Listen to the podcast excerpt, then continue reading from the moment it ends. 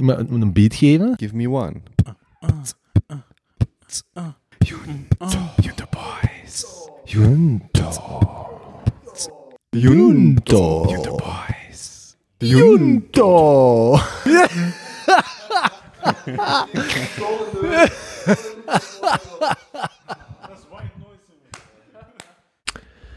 And Welkom uh, Benjamin op de Kobe Show. ik zit echt al twee uur in met dit grapje in mijn hoofd. Zo, zo moet ik beginnen, zo moet ik beginnen. Nee, nee, nee, dat gaan we niet doen. Maar uh, het is vandaag denk ik een, eh, een, een nieuwe configuratie van de Junto Boys. Ik denk niet dat we deze opstelling al eens hebben gehad, kan dat? Um, het is een unicum. Um, dit, dit hebben we inderdaad, inderdaad nog nooit gehad. Ja, er was een zeer last-minute uh, cancellation door uh, de heer uh, Janssens. Van, ook wel gekend van Janssens relatietherapie. The School of Wife. The School of Wife. waar, waarvoor dat we sinds de laatste opname gewoon spontane relatie um, vragen toegestuurd krijgen voor, voor de, de genie van de, de School of Wife. Mensen, mensen hebben ons effectief uh, situaties gestuurd van, maar dus, hier is een edge case. hoe, hoe los je dit dan op? Um, maar we moeten wachten op hem voordat we uh, ja, voordat we die, die, die dingen kunnen oplossen. Hè? Ja, hij was instant in de Excels gevlogen, maar het was, min, het was meer complex als dat het eerste, uh, het eerste idee naar voren bracht. Dus uh, er komt verheldering in de toekomst. Dank u voor jullie aanvragen. Als er nog zijn, dan laat maar komen. Dit zijn trouwens allemaal verwijzingen naar de enige echte Basha special. Ja. De vorige opname die daar toch wel, het is wel... Heeft hij een record verbroken? nee. Daar nee. Ik heb hem op weg naar, uh, naar vakantie of naar Frankrijk geluisterd. Ik vond het heel grappig. Um, ook vooral die, uh, dus die vraag waarop jij dan, waarop iedereen antwoordt en jij zegt, dit beschrijft zo goed onze emotionele of psychologische make-up. De ene, um, wat was het? Um, de ene doemdenker, de andere controlefreak, controlefreak al, al dat soort dingen. dat was ook echt, dat was ook echt gewoon hilarisch ook, hè. Ja, toch sowieso Nieuw-Zeeland. En zo, dan zijn we er echt van, en dan, je, je komt niet daar gaan afwijken, mm. maar nee, maar je optimaliseert toch sowieso voor worst case scenario's. Ja. ja, maar ik heb, ik heb heel de aflevering herbeluisterd. Ik vond hem echt, um, ik vond echt heel tof. Dus uh, als mensen nog niet hebben geluisterd, uh, Basje heeft het uh, roer overgenomen. Um, als uh, kerst op zijn integratietraject, denk ik dat hij zelf zei. Uh, maar goed, kijk. Maar Benjamin, er is ook een, een andere reden om u uh, op de Kobe Show uit te nodigen vanavond. Namelijk, um, um, mag ik het zeggen? Manieren, hè? Wat? um, jawel, jawel, jawel. Te, um, tegen dat dit online staat, laat ons zeggen morgen, is ook een speciale dag. oh Ma mag dat gezegd worden? Tuurlijk mag dat gezegd worden. Ja. Ik, ik weet niet in welke mate dat... Uh... Ja, dus um, morgen heeft uh, Benny zijn colonoscopie. nee, nee. Um, de enige echte Benjamin is uh, jarig um, vandaag. Maar, allee, wanneer, morgen voor ons nu, vandaag, wanneer we dit opnemen, maar waarschijnlijk morgen wanneer dit online staat. 32e verjaardag? 32e verjaardag. Hoe voelt dat? Prima. Eigenlijk wel. Ja? verjaardagen, ik weet niet, naar mijn gevoel worden die zo minder um, belangrijk naarmate dat je ouder wordt. Hmm.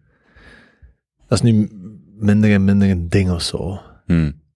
U kent dat wel uitgebreid vieren, daar niet van. Ik heb geen uitnodiging ontvangen. Waar gaat je vieren? Ik zal, uh, ik zal straks een update geven. um, maar uh, nee, we, allee, leuke, gezellige plannen. Maar uh, ja, nee, ja. 32. Ja, wat moet je daarop zeggen?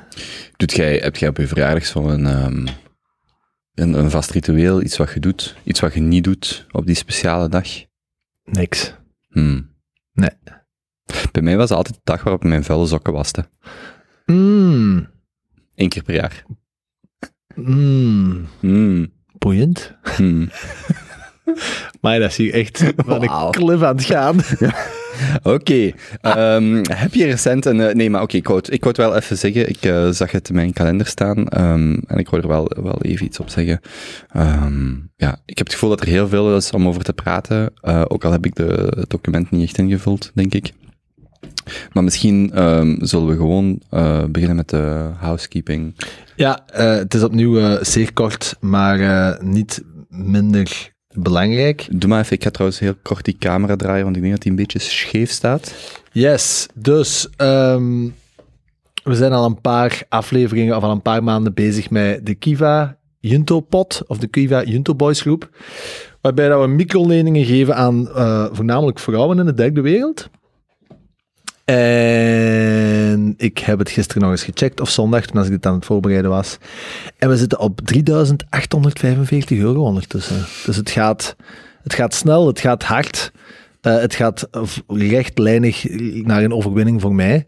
Ehm, wat natuurlijk eh, het alleen nog maar beter maakt, want dan komt er van zowel de heer eh, Janssens als, eh, als een, de enige echte teun eh, een extra donatieke bij in, eh, in die pot. Tegen wanneer was dat? Maart Maar 6100. Oké, als het dat erin zit, dan wint jij. Ja. Zoiets. Oké. Ik Oké, denk niet dat ik het eerste bij zit. Oké, dus we hebben een aantal vrouwen wereldwijd geholpen, of voornamelijk vrouwen, met eh, microleningen. Ja. Toch? Yes. Oké, dan moeten we... Wacht, als we die weddenschap halen, is er, een, is er gelijk de bospot een bepaald bedrag waarop we eh, naar een ander goed doel gaan? Is er bijvoorbeeld, gaan we voor die dan die 6100, is er iets? Nee, ik denk hierna, dit is gewoon iets dat, ja, dat, dat blijft lopen. Dus je, je geeft zo'n microlening, hè, afhankelijk van hoe lang dat je dat wilt. Je kunt kiezen op 6 maanden, 12, 18, 24 en langer. Krijg je dat geld gewoon terug. Ehm, soms gaan er dingen mis en misschien een stukje dat je terugbetaald krijgt. Voorlopig bij mij ligt dat altijd heel hoog. Eh, echt 95% plus.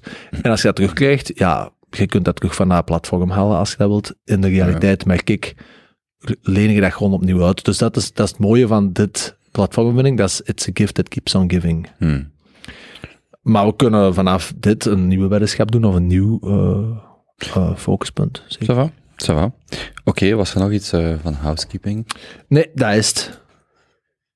Oké. Eh, Kent je zo... ehm, heb jij de Tree Body Problem gelezen? Van Sh- Xixing Liu? Nee, al wel veel van gehoord. Het doet mij denken zo...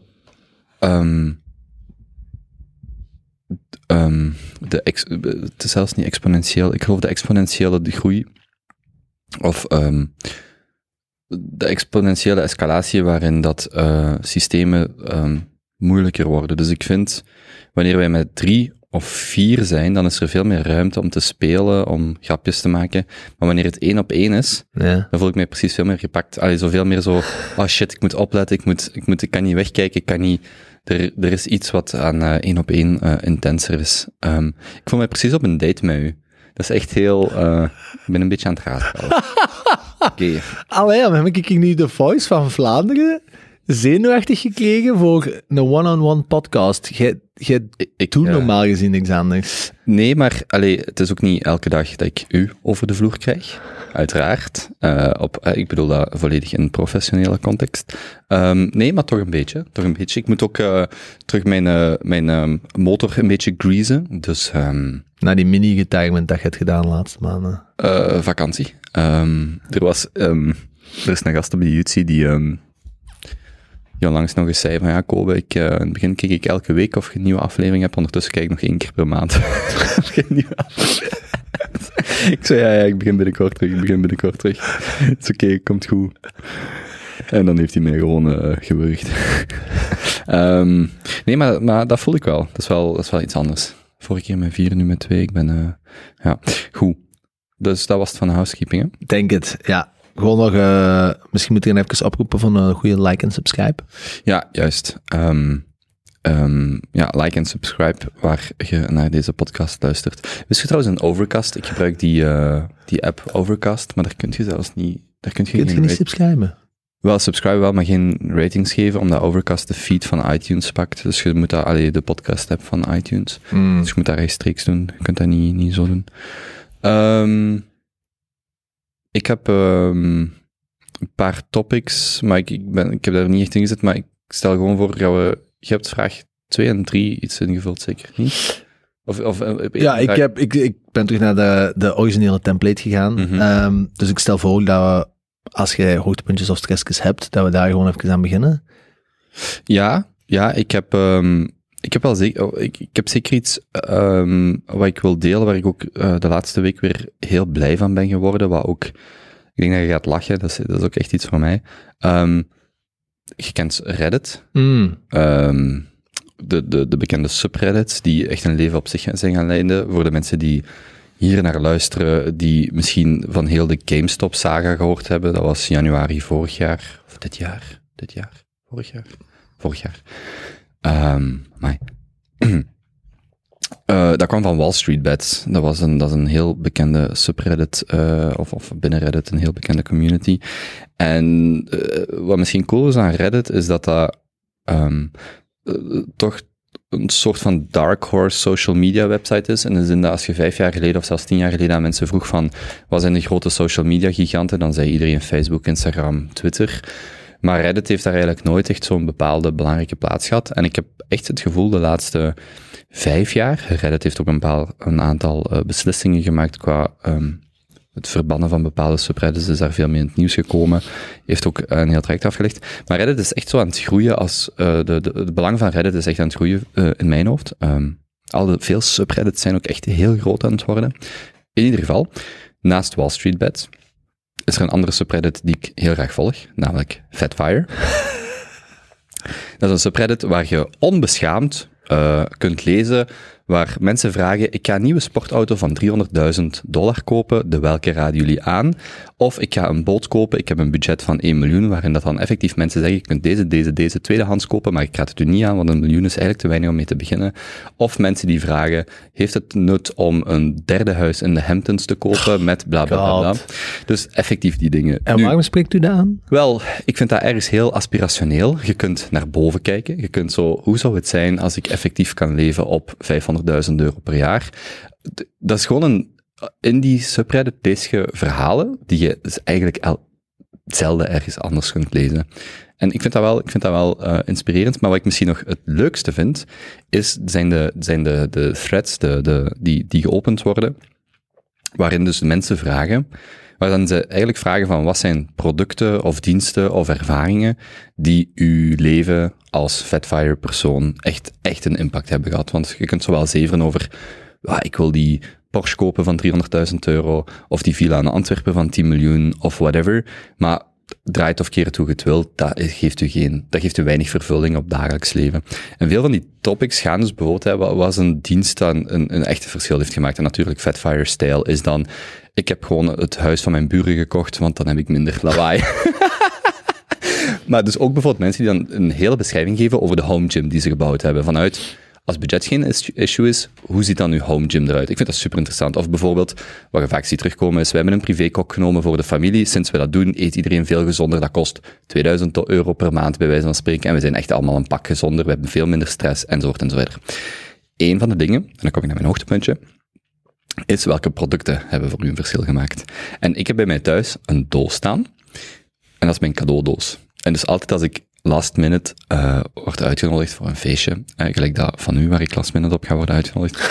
maar dus in, in die doos zitten, zitten toffe cadeautjes. En ik heb dus deze week weer van de Fatfire Reddit een aantal, eh subreddit een aantal eh, cadeautjes besteld. Eentje blijkbaar, blijkbaar, ik ga, ik ga hem morgen ontvangen. Iedereen kent een nagelknipper. Mm. Er is blijkbaar echt een Japans merk waarvan als je ooit die nagelknipper hebt, je gaat nooit meer terug. Dat ding kost 18 of 20 euro. Dus het is echt niet, het is niet, het is geen 2000 euro voor een nagelklip, het is niet met diamant. Dus ik heb er daar zo eentje van besteld, om die te hebben. En ik heb er dan meteen denk ik één of twee extra besteld, om dat gewoon in mijn koffer te steken, zodat je als je naar een feestje gaat, of een verjaardag van iemand, of wat dan ook, dat je echt kunt zeggen, hier is iets wat je leven gaat veranderen. Daar zit ook zo van die, kent je zo van die kaarsen met zo die eh, houten lont aan, zo die woodstick kaarsen, die vind ik ook heel tof om te geven. Daar zit ook een bepaalde eh, flessenopener in, dat ik echt de shit vind, van Brabantia, kost 9 euro, maar zo. En dus, dus ik heb eh, deze week die nagelknipper gekocht. En dan was er ook blijkbaar tandpasta. Die eh, in, in Japan, en ik ben vergeten hoe, hoe dat het heet, is er een bepaald middel, soort van bleekmiddel of een middel waarvan uw tanden veel witter worden, dat die al sinds de jaren 80 gebruiken. Wij gebruiken dat niet. Je hebt ook zo, heb je ooit zo van die car- charcoal eh tandpasta, zit je ooit tegengekomen? Van gehoord. Van ah, wel, ik heb dat dus geprobeerd, heel de smoel hangt zwart vol, dat is niet ideaal. Maar er zijn dus manieren om blijkbaar uw eh, tandhygiëne te verbeteren, die wij gewoon niet kennen, die bijvoorbeeld hè, in, in Japan. Zo'n tube tandpasta kost 20 euro. Dus dat is echt rete duur. Maar ik heb hem wel eens gekocht om te proberen, want dat vind ik echt zoiets van, dat is leuk om te geven van dit, zou zomaar je leven kunnen veranderen. En dat is echt, ik kan dan zo blij worden van in die subreddit een aantal dingen te bestellen waarvan ik echt weet, ik ga dit ook met heel veel plezier weggeven aan mensen. En of dat dan zo een flesje wijn van 20 euro is, of een nagelknipper die je leven verandert, dan denk ik echt, ik ga daar, ik ga daar goed op. Dus, vind ik eh, echt heel mooi. Dat is echt, dat vat, dit, dit, deze omschrijving vat u eigenlijk echt... Voor mij, dat, dat is heel veel intersecties van komen. Zo een zeer sterke online fascinatie en aanwezigheid. Zo, ja, heel lang Reddit gebeuren. Maar dan ook echt extreem goed kunnen gaan op gadgets en gimmicks. exact. Maar die dat ook gewoon heel graag weggeven. Ja, Dat is echt de... Noemt dat zo, in- ook om in de Japanse sfeer te krijgen? Ikigai. Ikigai. jij? Ja. Ja, ja, ja ik, moet, ik moet echt zeggen, ik, eh, ik ga daar heel goed op, omdat ik ook weet, bijvoorbeeld die opener, die flessenopener, dat is legit prijskwaliteit, 9 euro. De makkelijkste flessenopener ooit. Dus ik raad mensen dat gewoon aan van Brabantia. Oké, dus eh, ja, voor de luisteraars, hè, je weet, we doen nu al een klein jaar, denk ik, eh, show notes. Goed onderbouwde show notes. Alle dingen dat Kobe juist heeft geschreven, komen uiteraard in de show notes. Oké, ik zal het noteren wat ik allemaal... eh, ik zal het hier opschrijven, denk ik, de show notes van Fatfire. En ik denk dat het dus die opener, die nagelknipper en die tandpasta, dat waren de drie dingen. Alright. Daarnaast ben ik ook aan het experimenteren. Nee, nee dat grapje durf ik zelfs niet maken. Ehm, nee, dat was het. Dus zoeken jullie nog goede, eh, levensveranderende, eh, prijsbewuste cadeautjes? Ja. Into Boys. Ja, de show notes van deze aflevering. Top. Stresskis. Ehm, niet echt eigenlijk. Ik ehm, ben op verlof geweest. Ik was in Frankrijk. Het- We hebben weer slecht weer gehad. Ehm, eigenlijk heel verbaasd met hoe vriendelijk de mensen daar waren. Dus nee, dat is geen stressje. Al ja, soms denk ik ook, doe niet zo vriendelijk, de, de wereld vergaat. Maar ehm, nee, stressjes, het is, het is niet... eh, we kunnen er misschien zelfs op terugkomen. Ik heb gewoon het gevoel, deze week, weken, de, er is precies, de wereld is echt... Zo, decennia zijn in weken Ja. aan het gebeuren. Ja. En ik, ik, ik, ik pendel de hele week tussen, of al twee weken tussen, eigenlijk sinds dat ik in Groenland, want toen ben ik echt veel nieuws beginnen volgen. Maar het- ik pendel de laatste week echt tussen, ik laat het allemaal links liggen en we zien wel wat er gebeurt. En dit is allemaal zo interessant. En dat gaat van de implosie van Credit Suisse, die volgt op de implosie van eh, de, de Engelse pensioenspaarfondsen, dus heel het monetaire verhaal. Dan heeft het over de escalatie van Rusland en de annexatie van de vier regio's in, in Oekraïne. Daar heeft het mee te maken. Nord Stream 1, die dan al dan niet door de Engelse, Amerikanen, Russen, Engelse ook, die heb ik nu gehoord. Jawel, eh, de, de theorie is, er zijn eigenlijk maar twee eh, navies die in staat zijn om een aanval uit te, uit te voeren, tenzij dat het een softwarematige aanval zou zijn. En dat is eigenlijk het Engelse en, het, eh, en de Amerikaanse marine. Dat zijn de enige twee die echt in staat zijn, die de tools hebben, de drones hebben en alles om fysiek de leiding onschadelijk te maken. Ehm, dus die drie dingen dan heb je eh, wel het hier over eh, eh, breaking news, ah, Elon Musk dan Twitter. Dus er zit ook heel, dan is er de algemene economische omstandigheid, dan is er de inflatie van 11,3% in België in september. Er is gewoon, er is zoveel aan het gebeuren dat ik ergens denk, ik weet zelfs niet waar ik moet beginnen. En ik vind dat ergens wel, ik vind dat ergens wel heel tof. Ehm, maar het is veel. Dus mijn, mijn, mijn, ik, ben bijna aan het. Ja, ik ben bijna aan het solliciteren om voor een krant te gaan schrijven, omdat ik het allemaal wil verwerken of zo. Dus zo erg is het aan het worden. Maar ik vind, ik vind het wel leuk, maar het is, het is wel veel om te volgen. En ehm, Misschien ga voor u terug beginnen podcasten ook wel helpen dan, hè? ja, om eh, met experten te praten en om te zeggen, Voilà. eh, hoe zit het eigenlijk? Kom het eens vertellen. Ja, maar dus dat is, dus dat is geen stress, maar het is gewoon, er is zoveel aan het gebeuren de laatste tijd. Ja, het is gelijk als je juist zei, je hebt zo jaren waarin dat er niks gebeurt en dan heb je dagen waarin dat er jaren gebeuren. Ik geloof dat de quote origineel van Lenen is. Eh, Eh, ja, decade, ja, ja, ja, inderdaad, exact dat. Ja. Ja. En eh, ja, het voelt inderdaad wel dat we de laatste paar jaar eigenlijk al, maar vooral sinds het begin van deze jaar, dat we echt in een stroomversnelling aan het komen zijn. Hè? Ik denk voor mij is dat begonnen met, gaat dan Trump, en dan was het eind 19, eh, hoe zat dat weer, van, het was van eind 16, toch, tot eind 20, dat die kan, ja. Mhm. Dus dat je dan zo eind 19 dacht van, oké, dat is bijna aan het aflopen, dan kwam COVID, en dan is echt alles zo gefucked. En dan had je dan eh, de bestorming van het kapitool, dus je zat zo echt een heel dat ding, dan had je heel die, die COVID-lockdowns nog, en heel die discussie van vaccinaties, en dan hè, die bestorming op het kapitool, en dan heel die meme-stocks, en de wereld ging we, echt, en nu zitten we hier. Het is echt zo, het is precies al drie jaar. Het is begonnen voor mij, want daar ga ik met Willem, Willem Middelkoop, oh maar ik ben echt all over the place, maar het is voor mij begonnen in oktober 2019, en daar ga ik het met Willem Middelkoop hopelijk over hebben, is ehm, toen zijn de repo-markten in de VS... eh Was een repo-markt. Goeie vraag. Dat zijn de, dat is de instelling van de New Yorkse Federal Reserve, eh, lokale Federal Reserve, die liquiditeit aan banken verschaft. Eh, ik kan het ook, ja. En die zijn, en die zijn aan zwarende problemen gekomen, dus daar zijn ze, eh, er zijn verschillende manieren. Er, iedereen kent de interest die omhoog gaat en omlaag gaat, als de Fed of de ECB eh, die verhoogt of verlaagt. Maar je hebt nog een aantal andere faciliteiten. Eentje daarvan is de repo-markt, een, een andere daarvan, eh, Arthur Hayes schrijft daar veel over. Heeft eigenlijk allemaal te maken met hoeveel liquiditeit dat er in ons financieel systeem is. En dat is dus al eind 2019 beginnen breken. Daar is iets gewoon beginnen fout gaan, dat ze zo echt eh, ineens zo honderden miljarden moesten aan liquiditeit verschaffen. In ieder geval, dat is zo oktober 2019 gebeurd, of beginnen gebeuren. En het is eigenlijk sindsdien, want ik heb daar nog een hele thesis over van 30 pagina's, zo The Endgame Has Started. Dat is echt een, een, een goed documentje van toen.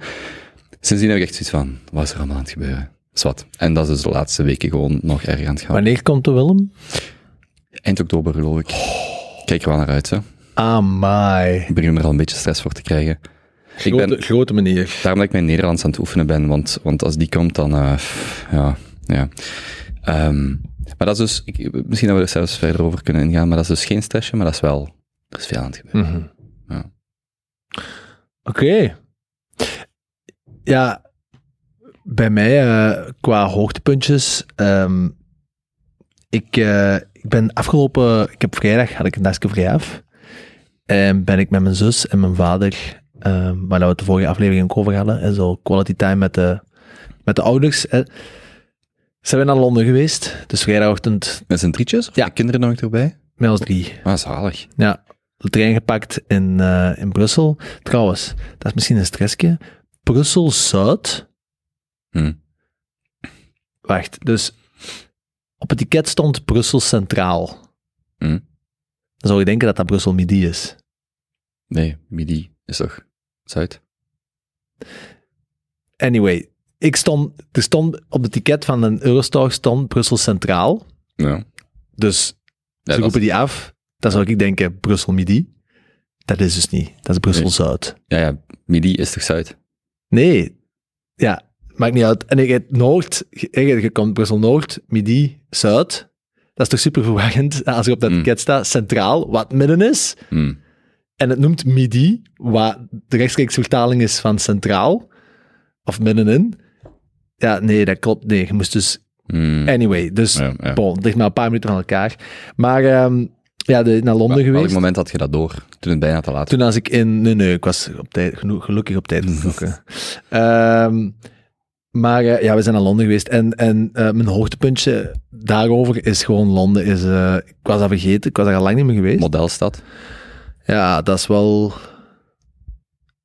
Dat is wel eh, een, eh, een, eh, een, ja, een, zeer indrukwekkende stad. Heb je iets, iets gemerkt van die chaos in het Verenigd Koninkrijk? Niks. Niks. Ah. Niks. Nee. leven is gewoon... Ja, ja, ja. ja. Maar je hebt zo... Ja, ik, de details weet ik niet meer juist. Ik kan het misschien wel eens opzoeken en in mijn show notes zetten. Maar je hebt zo, denk negen categorieën aan steden. Hm.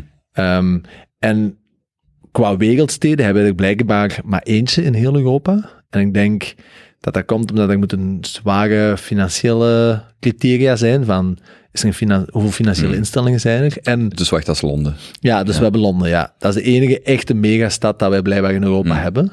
En ik ben eigenlijk heel mijn leven al meer geneigd naar Parijs. En een grotere voorliefde voor Parijs.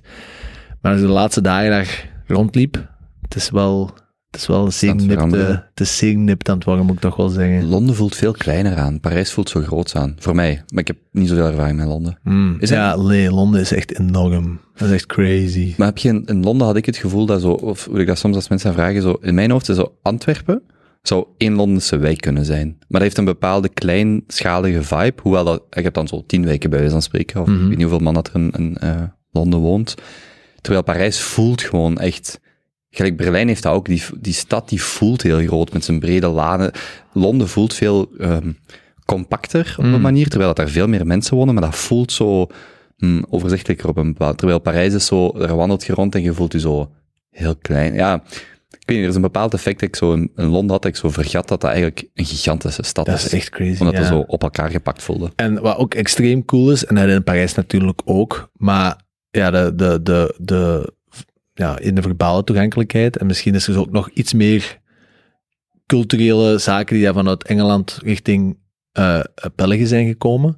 Maar als je daar dan rondloopt en je, je kijkt zo rond en, en je leest zo wat van de dingen dat er tegen de muur hangen en zo. Ja, in elke straat is er precies wel een historisch figuur dat daar Mhm. een belangrijk moment in zijn leven heeft gehad. Hè. Dus de eerste dag, eerste namiddag zijn we naar het British Museum geweest, wat trouwens ook echt de hoeveelheid culturele eh, artefacten of memorabilia dat de Britten tijdens een koloniaal verleden Mm. naar dat gebouw hebben gesleurd in het midden van Londen, dat is gewoon absurd, hè? Echt, waar je zo... Ja, eh, de, de, de Oostgang, tweede verdieping, eh, mummies. En dan wandel je zo tussen de uh, mummieafdeling. En dan wandel je gewoon een kast erbij. En dan keek ik naar links en dan stond daarop Cleopatra. En dat was niet eens zo, hey, hallo, hier is Cleopatra. Nee, nee, gewoon Cleopatra, mummie 6 van de 600. Ja, echt. Bon. eh, maar dan, eh, ja, het British Museum gedaan en dan s'avonds in een, eh, in een pub gedoken, die dat was aangeraden door, eh, door eh, Britse kennissen, of door iemand die al lang in Londen heeft gewoond.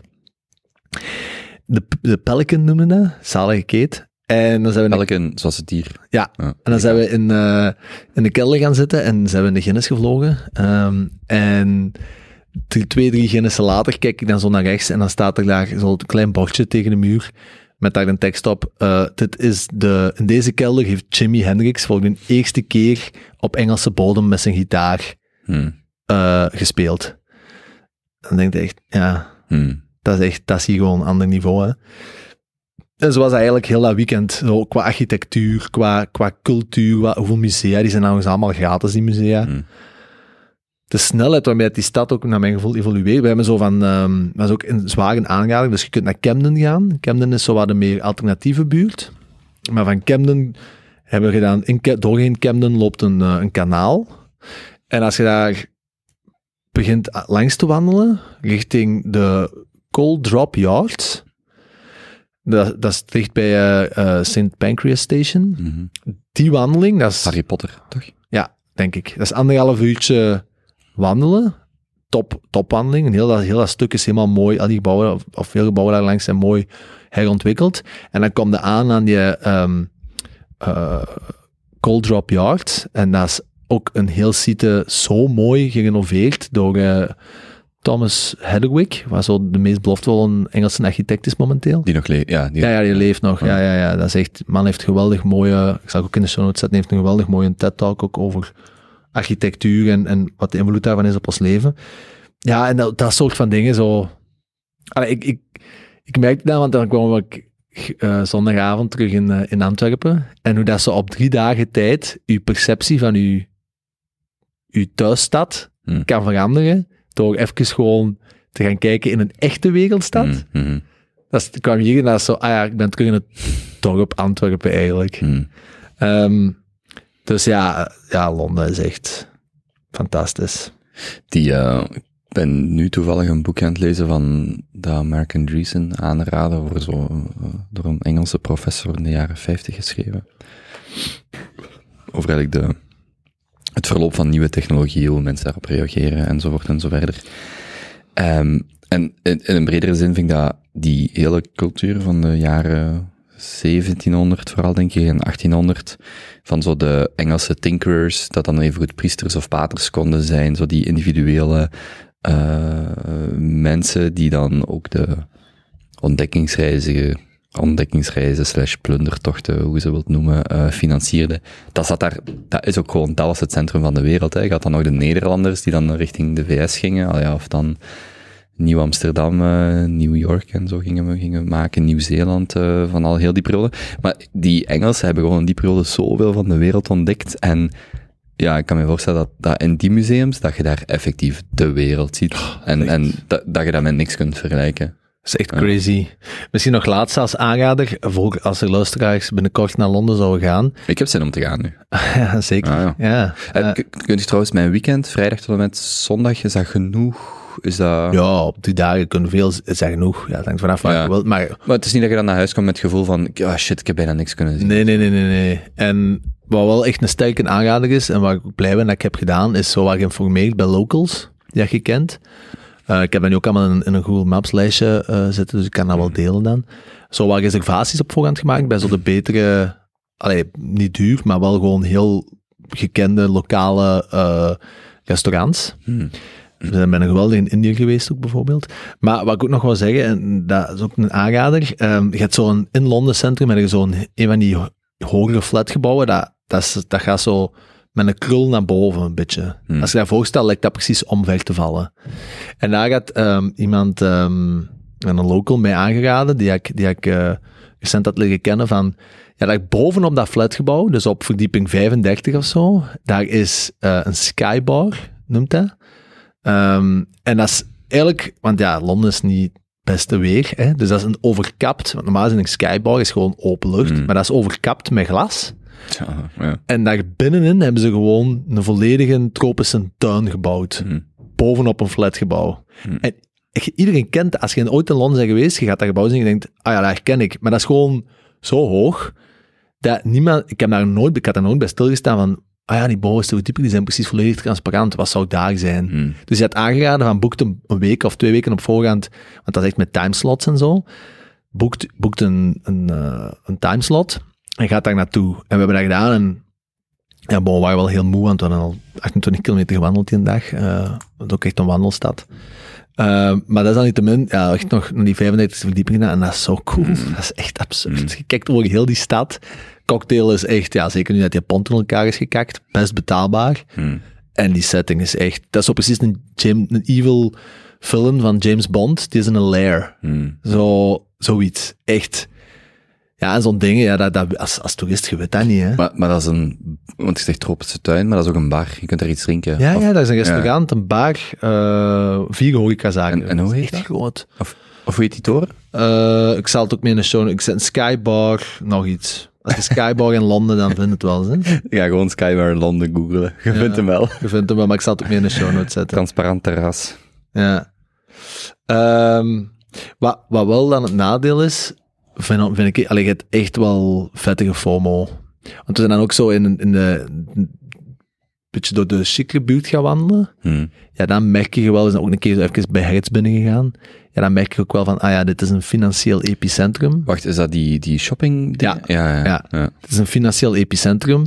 En miljard het zal inderdaad wel zijn dat elke megamiljonair en miljardair... Miljard, miljardair. Ja, daar allemaal een buitenverblijf heeft van, Jesus man, hier wordt geld uitgegeven. Ja, die Russische inflatie. Ja. 20 jaar. Ja, ja. ja dat is echt... Oh ja. Dus ik denk, ik kan me ook wel inbeelden als je daar als normale sterveling woont, dat dat ook wel heel frustrerend is. En dan heb ik het ook even met iemand die had er gewoon over gehad, van ja, dat hele historische centrum met alle leuke hmm. dingen van, van, van toepassing, ja, daar komen je als sterveling, ja, je kunt daar al niet wonen, want dat is gewoon geen te duur. Dus je zit een half drie kwartier op de metro elke dag. Hmm. Als je in dat centrum wilt zijn. Um, dus ja, daar is dan ook wel iets voor te zeggen. Dat is trouwens wel iets. Ik denk als je in Vlaanderen vraagt aan mensen, is Antwerpen duur? Zeggen wij allemaal ja. Maar als je een straal van 200, 300 kilometer trekt, valt dat echt heel goed mee. Als je dat vergelijkt met Amsterdam, Rotterdam, elke Nederlander die denk ik hier al in Antwerpen hem geïntroduceerd en zo zijn naam mee op stap hebben genomen of zo, is hem laten zien van waar, hoeveel dat wij betalen voor ons woningen. Mhm. Jongen, die, die, die, die, die slaagt door, hè. Woningen, openbaar vervoer, dat soort dingen, ja. En, en dat is altijd moeilijk, want ja, wat heeft de gemiddelde Vlaming daaraan? Hoe duur het in, Nederland is? Maar inderdaad, mijn Nederlandse vrienden hebben zoiets van, dat valt hier allemaal echt wel heel goed mee. Maar Eh, zal het zijn. Ja.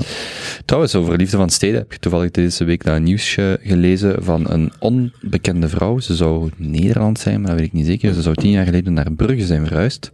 Ze is dan overleden vorige week.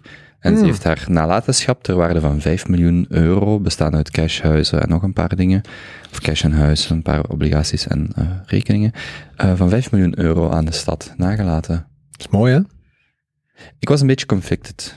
Ehm, ik denk dat ik dat geld beter zou kunnen gebruiken. Dat, nee, dat terzijde. Ik vraag me dan wel af, want eh, dat was dan de reactie natuurlijk. Het is maar één nieuwsbericht, maar dan zei de burgemeester van ehm Brugge van... eh, dus eh, die vrouw had blijkbaar in een brief of ergens geschreven van eh, ik hou zoveel van deze stad, de laatste tien jaar van mijn leven hier ehm, verbracht. Ik, eh, ik geniet hier keihard van, dus hier zijn mijn centen ook geen erfgenamen, denk ik dan. Ehm, maar dan zegt ze die burgemeester, ja, we gaan het geld kunnen gebruiken, want ja, de kosten zijn gestegen en we moeten onze gebouwen ook verwarmen. en dan denk ik zo, ja, ik bedoel, als je geld geeft, ja, het is waar de stad het voor nodig heeft. Hè? Ik bedoel, de stad heeft geld nodig en van waar het ook... Maar het is ook wel sneu, Zo'n maandverwarming. ja, inderdaad, dat je zo 5 miljoen euro over heel. Dat is zo'n beetje gelijk zo als ouders van nieuwe kinderen, die willen gewoon wat geld... Die willen zo... Wat jij die wilt geven, is vaak is zelden wat dat die echt nodig hebben. Dus dan geef je die zoiets en dan zoiets van, ja, fuck deze. Hè. Allee, zo, zo, of geef mij gewoon geld, of geef mij gewoon voor babysitter of zo, maar ik moet geen, ik moet geen dit. En dan denk ik zo bij die vrouw ook zo, ja, wel een beetje sneu dan dat zo, dat zo echt in die burgemeester zegt, ja, want de kosten zijn gestegen in. En dan denk ik echt van, man, gast. Ze zeiden van, ja, we kunnen er een straat naar vernoemen of zo, maar ja, ze is onbekend. Ah, ja, goed. Maar wel, ik vond wel, ik vond wel echt heel... eh, dat, dat is dan zo wel een, een, een bericht waar... De pijnlijke. Ja. Ja, maar ik, mijn hart wordt daar ook wel warm van. Maar dan denk ik zo, ja, ja, ja. Ik, ehm Heb jij een stressje? Goh, ik was erover aan het denken, ja, misschien heel kort. Ik ben, dus vorige week was vrij intens. Vrijdag tot zondag naar Londen en van maandag tot woensdag zat ik in Warschau voor het werk. En mijn stressje is eigenlijk de foute perceptie dat mensen hebben over zo business travel. Hm. Heb je business class gereisd? Nee, nee, gewoon Met de bus? travel voor het werk, eh, travel Ah. voor de business. Ehm, en dat klinkt allemaal heel exotisch en dat klinkt allemaal heel leuk. En eigenlijk hè, is dat gewoon echt kut. Dat is rete vermoeiend, gewoon volledig uit het ritme gesleurd. Hm. Je zit eh, 60% van je werkdag gewoon in een commute. Je werk moet gewoon nog altijd klaar geraken op het einde van de week. Dus je bent waarschijnlijk gewoon veel langer s'avonds aan het doorwerken. Luchthavens zijn eigenlijk echt heel luide, dure, Heb je al eens een niet lounge, aangename plaatsen. lounge geprobeerd? Luchthaven? Het kost wel 30 euro, maar ik vind wel, als je... Ik heb dat één keer gedaan, want ja, bij mij was dat nooit echt nodig, omdat ik langer in de stad kon blijven. Maar stel dat je bijvoorbeeld een vlucht hebt in de middag, Ja. En je over, of eh, bijvoorbeeld zo- zo'n kutuur, zodat het eigenlijk niet meer echt de moeite is om de stad in te gaan, of zelfs nog iets van werk snel af te werken in je hotel. Maar dat je eigenlijk gewoon op tijd vertrekt. Een loungepas, of via Revolut en andere, kun je echt heel gemakkelijk kopen. En dan is uw drank en uw wifi snel, uw drank is gratis, en er is een buffet. Kan je dat wel eens aanraden voor een keer. Ja, ja. Echt zo'n loungepas vind ik dan wel de moeite, omdat er zijn dan soms ook douches en zo. Ah, Ik bedoel, als je ja dat, is, komt, dat is wel positief. dus dat is wel cool dat je dan zo, bijvoorbeeld als je zegt, ik ga eh, ik check om negen uur uit, ik zorg dat ik om half tien, tien uur in die luchthaven ben, rustig mijn dingen, en dan kan ik echt nog twee, drie uur doorwerken. Dan is dat wel, allee, gewoon eens om te proberen. Misschien Ja, ik, ik, ik ben langs gelopen en dan denk je, ja, dat is veel te duur. Hè? Of Hmm. ik heb daar geen toegang tot. Maar ik had twee keer een overlay van vijf uur. ja. Een keer in Kopenhagen en een keer in Stockholm. Maar waarom vlieg jij via Kopenhagen? Is er een vlucht van Kopenhagen naar Stockholm? Nee, ik vloog van Brussel naar Kopenhagen naar Warschau en van Ah, zo, Warschau naar Stockholm naar Ik dacht Brussel, Kopenhagen, Stockholm. Nee, nee, nee, nee, nee, nee, nee, nee, nee. Oh, het zou ook kunnen tegenwoordig. Nee, nee, maar eh, ja, die, oh, ja, het is gewoon, ja, kostenbesparend. Hè? Hmm.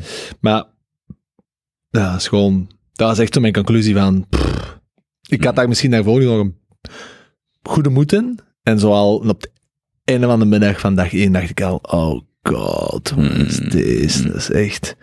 Ja, ik heb me wel een beetje geërgerd. Maar bon, er zijn ook natuurlijk altijd eigen dingen. Mag ik wel zeggen, de beste luchtvaartmaatschappij is eh, hands down Air Greenland, waar ik ooit mee heb gevlogen. Dus dat bedrijfje, die luchtvaartmaatschappij, maakt eigenlijk te veel winst. Eh, En niet in de zin dat die een winstmarge hebben van 20%. Ik pak dat de gemiddelde luchtvaartmaatschappij een winstmarge heeft van Twee. ja, voilà, 2%. Die maken geen 20%, maar die zitten aan 3, 4, 5 of zo- zoiets. Eh, omdat die ja, gewoon heel lage kosten hebben, als in die weten bijna exact. Ik bedoel, die hebben maar twee luchthavens. Of, sorry, die hebben één internationale lijn, zijn er naar Kopenhagen. En dan hebben die in Groenland nog een aantal kleinere vliegtuigen, eh, een aantal vliegvelden, vliegtuigen, een aantal helikopters. Maar dat is met het aanbod. Sorry, de vraag is heel stabiel, het aanbod is stabiel. Dus die kunnen daar echt heel goed op, eh, op inspelen. Vraag is groter dan het aanbod. Maar dus dat is een, een vlucht van vijf uur of zo. En ik had ook totaal geen rekening mee gehouden dat we ook eten kregen. Je mocht blijkbaar, dus er zit van een, een Deen langs mij. En ik bedoel, als ik een vlucht pak, want het is dan wel technisch transatlantisch, maar het is een vlucht van vijf uur. Dus dat is eigenlijk ook binnen Europa, nee, vier uur en een half. Oké, je moet al een stuk vliegen, maar dat is richting Tunesië en zo. Maar dat zijn, nog, eh, dat zijn eigenlijk de langste Europese vluchten, vier uur en een half. Dat voelt niet gelijk als ik naar Canada of eh, de VS ben geweest, of Brazilië. Dat voelde altijd, hè. dat was tien, tien uur of zo, een vlieger. En die doet langs mij, die zegt zo, hè, dus die, die griet komt voorbij met haar, met haar kark en die zegt, eh, wat, wat wilt je drinken? En die doet langs mij, ja, doe maar een, eh, een koffie, een water en dan eh, twee flesjes wijn, rode wijn. Allee, zo van die kleine flesjes. En ik zo, ik denk niet dat hij dat moet betalen, want anders bestelt je toch niet zoveel. En de grap dus effectief dat die vroeger hadden die zelfs een policy, all you can drink, waardoor dat in Groenland is al een probleem met alcoholisme, maar dat er dus echt dudes gewoon vliegtuig opstapten en zo 10 punten bestelden. Ondertussen hebben ze dat blijkbaar beperkt tot drie of zes punten, Allee, of alcoholische drankjes, ik weet niet meer.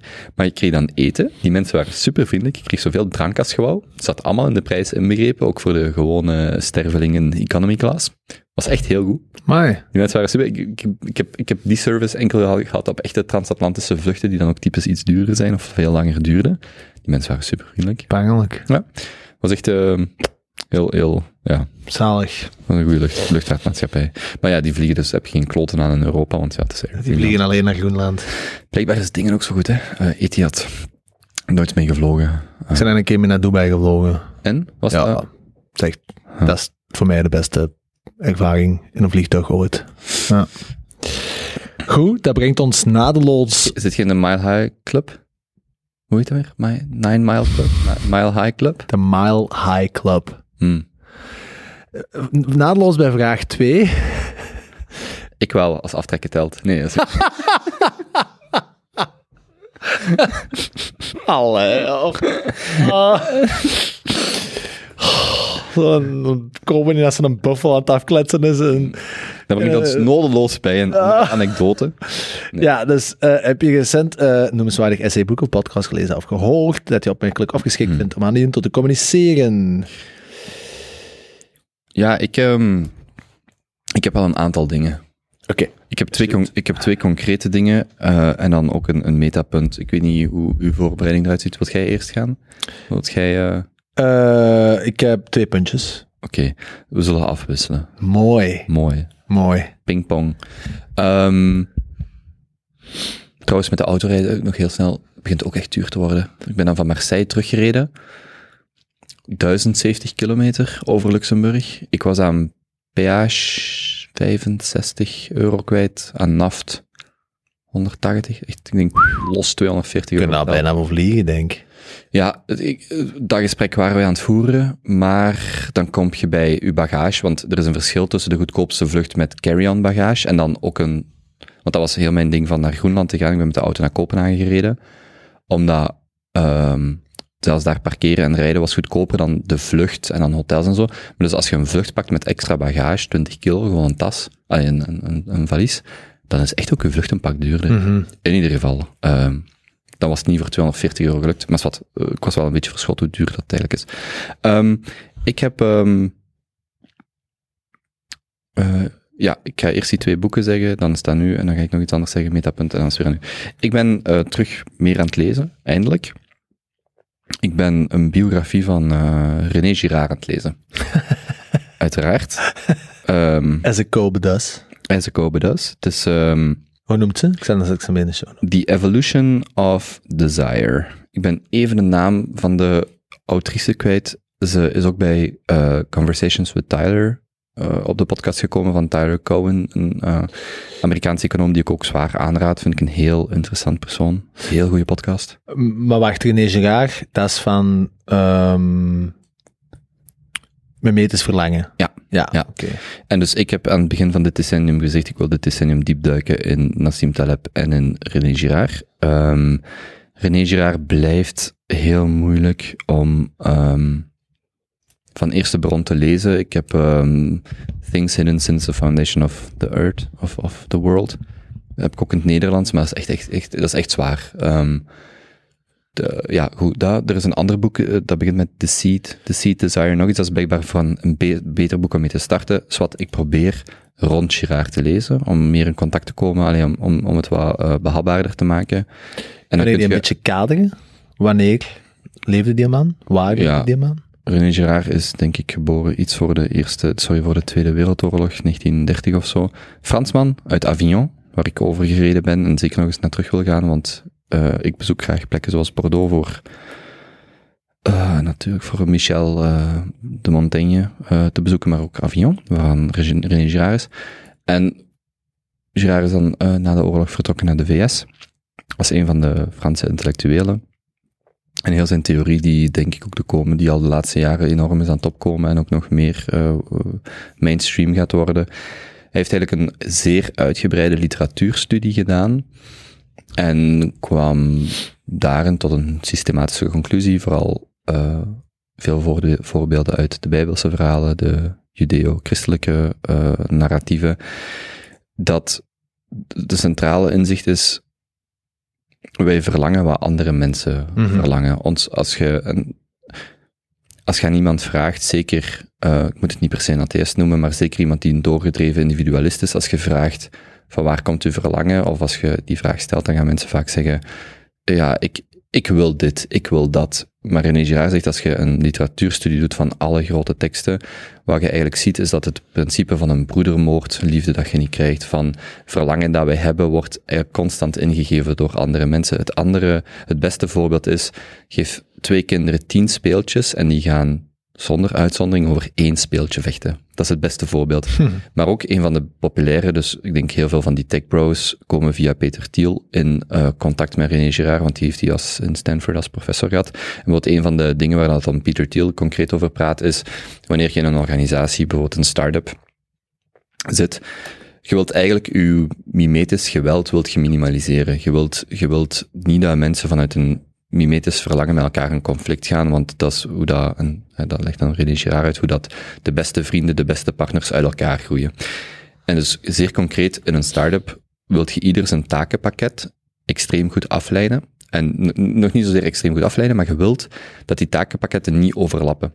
Want eens dat een takenpakket overlapt, gaan twee dezelfde mensen claimen, een claim leggen op die taak, en dan begint er een mimetische strijd. Dan begint er een strijd over dat ene object wat dan de, de bonus kan zijn, of wat dat dan de erkenning kan opleveren. En hij zegt, Peter Thiel zei dan in al mijn bedrijven, Palantir, Paypal en uh, de andere dat hem nog heeft, maken wij daar een heel strikt uh, punt van dat taakbeschrijvingen, zeker in C-suite en dergelijke, dat dat niet overlapt. Want dat, dat voedt gewoon dat gevecht. Uh, ja, daar kan ik me zeker iets bij inbeelden, maar ook naar accountability toe heel belangrijk. Hè? ja, absoluut. Allee, dus ik, ik spreek, bespreek het enkel vanuit, vanuit mimetisch verlangen. Wat je ook ziet, is ook van René Girard is heel de zonneboktheorie. Eigenlijk een mechanisme waarin een maatschappij, een groep mensen, een maatschappij, dus beginnend met een kleine groep tot een hele maatschappij, een, aan de hand van een zondebokmechanisme, of dat nu heksen zijn in de 16e eeuw, of uh, uh, buitenlanders, of noem het wat je wilt, dat is een manier, een zonnebokmechanisme is een manier om rust in een groep terug te krijgen. Dus als je bijvoorbeeld, René Girard heeft dan veel geschreven over de Franse revolutie, waar je eigenlijk extreme vreedheden ziet, die, die eigenlijk niet echt uitlegbaar zijn, behalve dan via zijn theorie. Allee, of dat is dan iets waar hij bundelt allemaal samen en zegt, die mimetische component, doen wat andere mensen doen, belangrijk vinden wat andere mensen, begeren wat andere mensen begeren. Er is in, het, in de biografie een voorbeeld van, um, hoe dat ze vlak na de oorlog in Frankrijk alle vrouwen die met dan de, Duits, uh, de Duitser hadden uh, zelfs maar thuis hadden een theetje aangeboden tot er uh, seks mee, hadden mee, mee hebben gehad, die scheerden ze al hun haren af. En die hebben dan de eerste ja, maanden, jaren eigenlijk voor een schaamte moeten leven. Terwijl als je dat eigenlijk, het gedrag dat dan de mensen ten opzichte van die zondebokken hadden, was quasi even verwerpelijk, of zelfs nog verwerpelijker dan wat veel, dan eigenlijk de oorlogsmisdadigers of de mensen die daar waren. En dat zijn van die dingen, je kunt dat niet echt, je kunt dat niet echt uitleggen van op, je kunt niet echt zeggen, maar waarom, waarom doen we dat nu? En meer dan de mensen die dat dan deden, waren daar heel fier op. Die zeiden, die hebben, er zijn echt heel veel foto's van, heel veel testimonials van mensen die zeiden, ja, maar dit, die vrouwen zijn, zijn, zijn de ergste, terwijl, ja, nee, die wou misschien gewoon overleven, of die vond die Duitser een, effectief interessant, heeft die gewoon een kop koffie aangeboden, zo waarom, zo, al die, dat geweld. En ik zit, ik moet het boek nog verder lezen, de biografie, en ook dieper in zijn werk beduiken, maar het gaat eigenlijk op, ik denk eens dat je die, door die lens kunt kijken, ziet je heel veel dingen, dus, de, de, centrale inzicht van wij begeren wat anderen begeren. Um, wij vinden belangrijk, bijvoorbeeld nu, iedereen is die nieuwe Netflix-serie aan het kijken van die, van die uh, seriemoordenaar, geloof ik, want ik zag het ook op 14 Nieuws, uh, en iemand vertelde mij erover. Nu is dat weer het hete, zo, het hot, mm. zo, dat is mimetisch, dat is mimetiek, en mimetiek met MI, niet mimetiek, um, zo on steroids. Dus mm. nu is dat ineens, dat is overal. Niet per se omdat het de beste serie is, niet per se omdat dat dit of dat, dat zal wel heel goed zijn. Dat was mijn, mijn dingen ook zo, die Zuid-Koreaanse, hoe heet dat weer, zo'n jaar geleden of zo. Zo met dat schiets... Squid Game. Squid Game. Zo, dat is echt mimetisch verlangen, maximaal. Apple is daar ook heel goed in, hè. Elke, elke keer, nu een paar weken geleden hadden ze een iPhone-event. Hmm.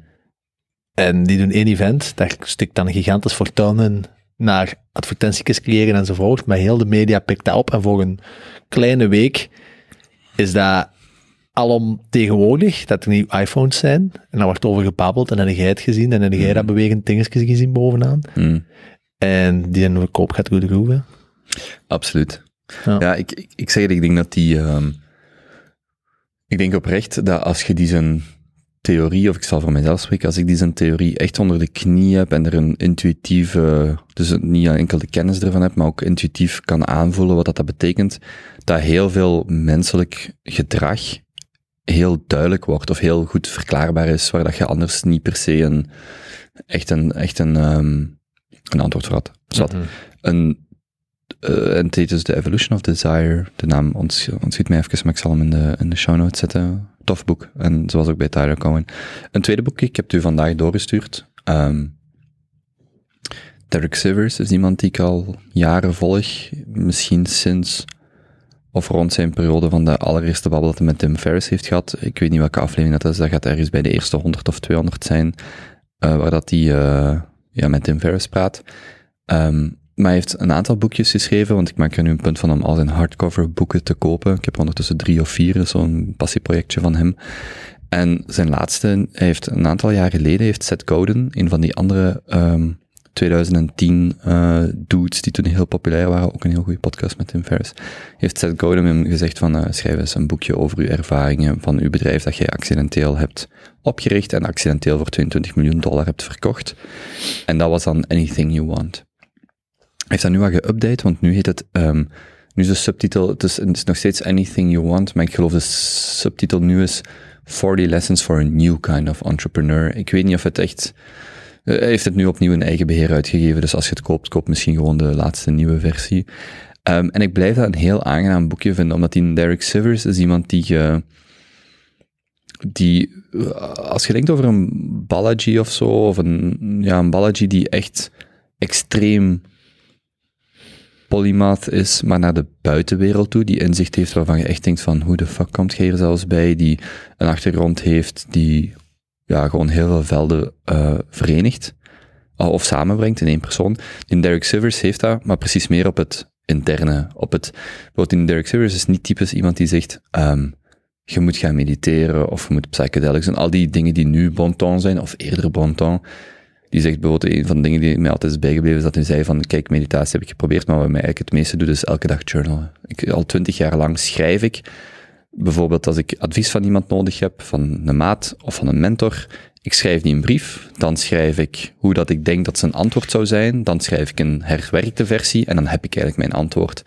Dat is zo'n, dan kun je zeggen, oké, maar dan, als ik dat zelf eens probeer te doen, gewoon eens mijn probleem naar iemand opschrijven en dan denken van, maar wat zou die, ineens zo van, ah ja, goed. En zo, heel die Derek Sivers, zijn levensverhaal gaat over een beetje van die misschien contra-intuïtieve dingen dat hij geleerd heeft. Hij is ook een muzikant, heeft leren zingen, daar heeft hij allerlei verhalen over, over hoe dat hem dat eigenlijk heeft kunnen doen.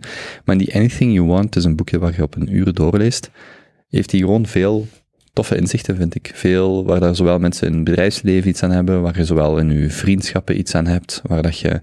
En het is heel moeilijk om hem ergens in te plaatsen. Het is moeilijk om te zeggen, waar, waar, gaat het dan over, of wat is zijn focus? Um, doet ook, of zegt ook soms dingen waarvan ik echt denk, dat, dat, dat snap ik niet goed, maar ik, ik vind zijn blog, sivers.org, heel interessant. Ja, en dat is heel cool. Ja, op e-mail die- reageert hij snel.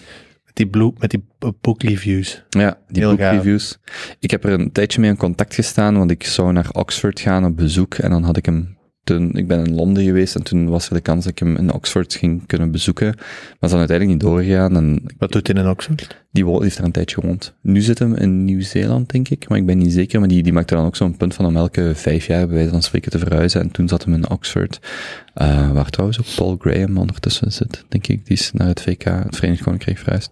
Maar eh, dus Derek Sivers, Anything You Want, echt een tof boekje, wat ik mensen zo aanraad als een van die boekjes die je moet gelezen hebben. Het kost niet veel, het, het kost ook niet veel eh, geld, eh, het kost niet veel tijd. Eh, Cool. Ja. Lekker, Jan. Ja, die een mimetis, oh, alles over mimetisch verlangen, daar hebben we het er zo een paar maanden geleden ook eens over gehad. Hmm. Ik was ook enorm door getriggerd. Ja, ik heb die boek ook van Luke. Nog iets, Wanting, gaat ook, is ook een van Ja. die boeken die Shamath, waarvan Shamath zei van dat is een van de beste boeken van de laatste jaren, gaat ook volledig daarover.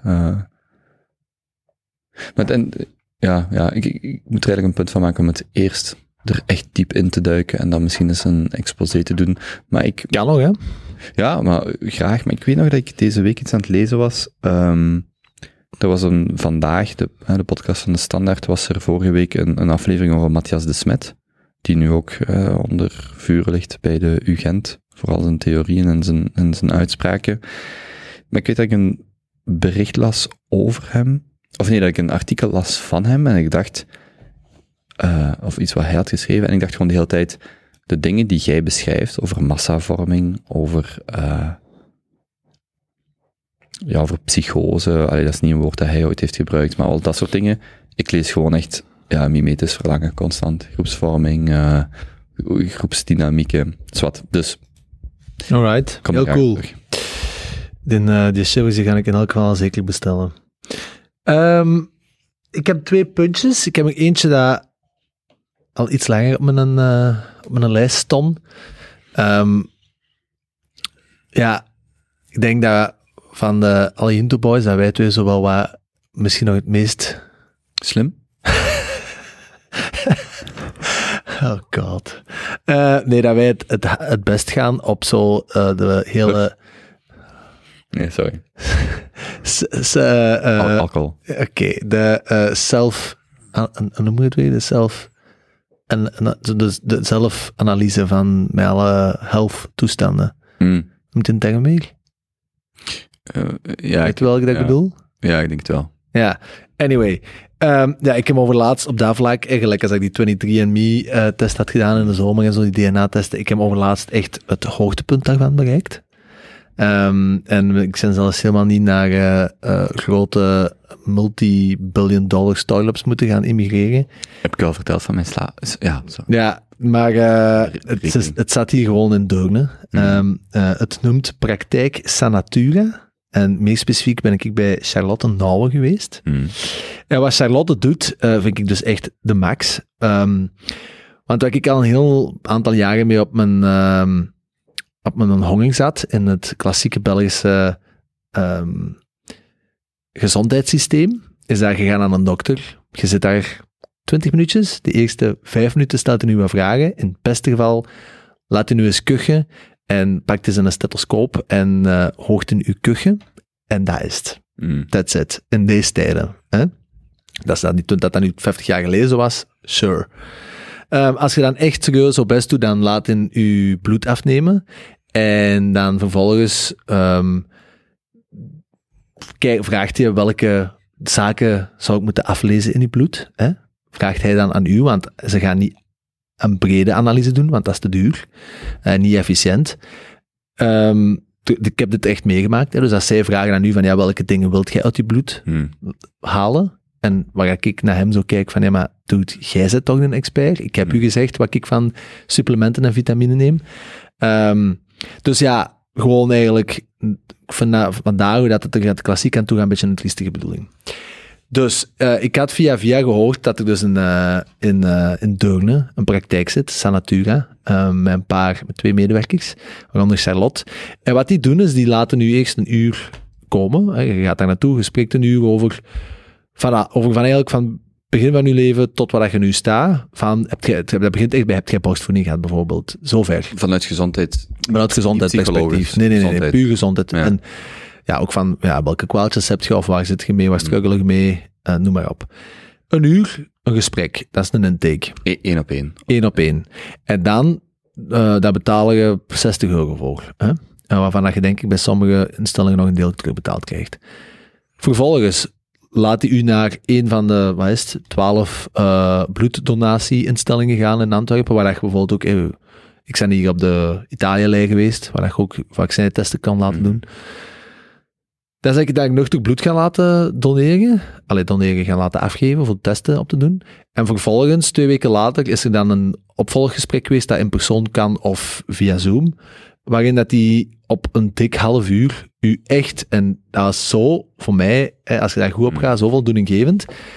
Dat was een 25 pagina tellend rapport, waarbij dat ze letterlijk, allee, is- het is, wordt gegroepeerd op vijf grote variabelen, van stress tot voeding tot, ja, dat drie zijn ik nu al vergeten. Ehm, maar het kwam erop neer van, ja, je hebt, je hebt zoveel eh, eh, hormonen die daarvan belang zijn, voor, voor alle verschillende processen in je lichaam, tot vitamine. Hè?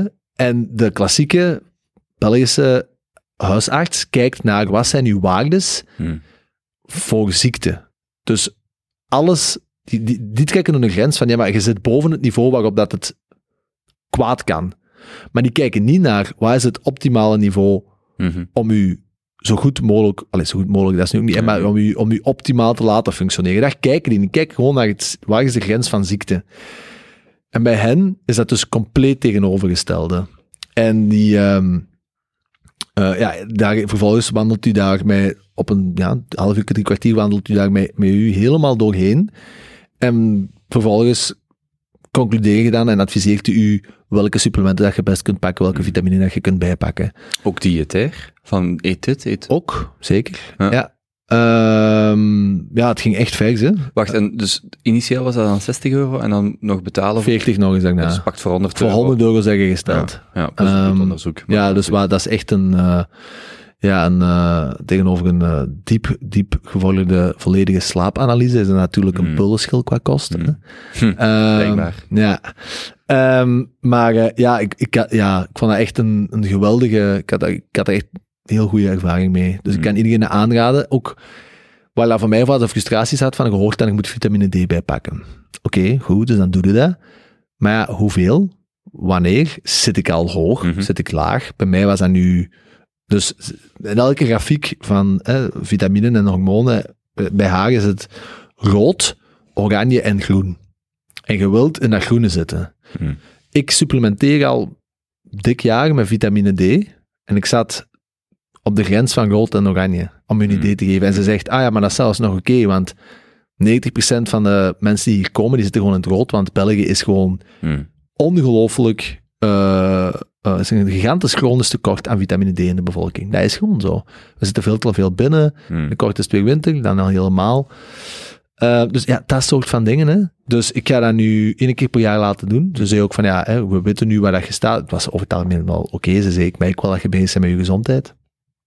Dit zijn de dingen wat je maar moet bijpakken. B12, D, zink, eh, wat was het nog? Eh, ah ja, en kriel, krilolie voor omega-3. Hm. Eh, zij doet dat en dan in het begin wat meer. En daarna schakelen we over op twee, drie keer per week. En dan binnen een jaar testen we nog eens en zien we dat. Zalig. Ik vond dat zo goed. En ik, ja, ik vind het dan zalig dat ik dat hem leren kennen. En tegelijkertijd kan ik me eigen ook echt druk maken. Hm. Want dan denk ik, ons gezondheids... Vandaag, onze gezondheidszorg is zo gefocust op eigenlijk genezen als het te laat is, in de plaats van preventie. En als ik zie dat zij, ja, ze zullen er wel aan uit kunnen, want anders doen ze dat niet. voor 100 fucking euro Mm. heb je die volledige analyse gedaan. Waarom is dat nu niet stap nummer één bij elke Hmm. gesprekken met een huisarts? Hoe, hoe blind zijn die mensen nu aan het functioneren als ze voor dat soort van budgetten vandaag die hoeveelheid aan data er kunt uithalen? Dat, ja, ik kan me daar wel druk in maken. En was dat nu terugbetaald? Of voor een deel terugbetaald? Ja, Ja. pff, ik weet het niet. Ik weet Ja. het niet. Ja, ik denk bij sommigen wel. Ehm, ik weet het niet. Oké, zalig. En moeten een show, ja, nu, nu moet ik dat ook doen. Uiteraard. Ja, ik vind, ik, ik heb eh, regelmatig de laatste tien jaar allee, regelmatig een keer of vijf bloedtesten gedaan, om dat ook allemaal wat op te volgen. Zeker als ik dan zo wat extremer met mijn dieet ging, wou ik, dat, wou ik die veranderingen, maar dan merk je ook weer zo, bijvoorbeeld, eh, veel hangt dan af, hoe heb je geslapen, eh, Ja, ja. nuchter uiteraard, maar ik, ik was een podcast aan het luisteren waar iemand zegt, ja, als die een nacht uw kleine nu vier keer uit bed heeft gejankt, natuurlijk is uw cortisol dan hoger en zo. Dus je moet dat ook allemaal met een korrel zout nemen. Of tenminste regelmatiger doen. Of idealiter nog 24 uur. Gelijk een glucosemeter. bloed- allee, Dat je dat wat kunt eh averagen. Maar goed, dat terzijde. Is dat, Maar dat is het mooie, want dat gaat dus in de zin van, als je in Antwerpen woont, die Mhm. centra, die zijn van 8 uur s ochtends tot 6 uur s avonds open. mhm. Dus ik heb drie keren dat ik dacht, ah, nu ga ik het morgen doen, en dan liep het anders. En dan Mhm. dacht ik, ja, inderdaad, nu ga ik geen goede meting hebben. ja, ja. Dus dat, je kunt dat gewoon een beetje, ja. ja, doen wanneer dat je wilt. Ja, cool. Cool, want je hebt, eh, je hebt, je hebt het vaak ook niet door. ehm. En ik denk ook dat veel mensen beginnen dan zo supplementen of vitamine te pakken zonder echt te weten of dat, of dat dan helpt en of dat, dat een grote impact heeft. En natuurlijk, het is wel zo, als je al in die sfeer zit van, eh, van eh, optimization of longevity, noem het gelijk, of transhumanisme, noem het gelijk je wilt, Self-quantified self. Se- quantified self, quantified self. Ja. dan, eh, dan, is dat gewoon, dan is dat gewoon heel cool om dit soort dingen te doen. Ook inderdaad handig om voorhand de prijs te weten. Maar waar komen, waar, waar kan er zo fout gaan, als je dat niet weet? ik ben in het algemeen een vrij grote pessimist. Mhm. Maar ik heb ook echt mijn optimistische momentjes. Mhm. Bijvoorbeeld wanneer ik een slaaponderzoek boek en denk, ja, dat zal zo duur Hoe zijn. duur kan dit nu Hoe- zijn? Hoe duur kan dit zijn? Dus ik maak een slaaponderzoek, een eh, UZA. En ik, ik kom daaraan en die man vraagt aan mij met het inchecken van, heb jij een hospitalisatieverzekering? Ik zeg, dat weet ik eigenlijk niet. Ik ben zo bij de CM aangesloten, ik heb mijn verplichte ziekteverzekering, maar ik weet eigenlijk niet of ik een hospitalisatieverzekering heb. Hij zo, ja, je kunt ons achteraf nog doorgeven.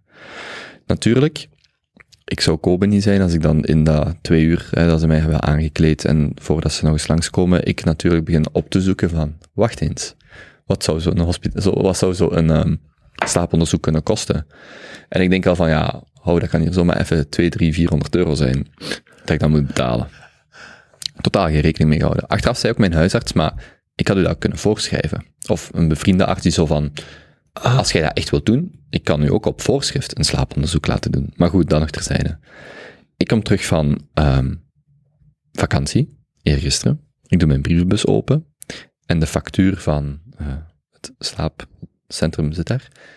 1763 euro. Oh god. 1763 En daar is niks meer aan doen. euro.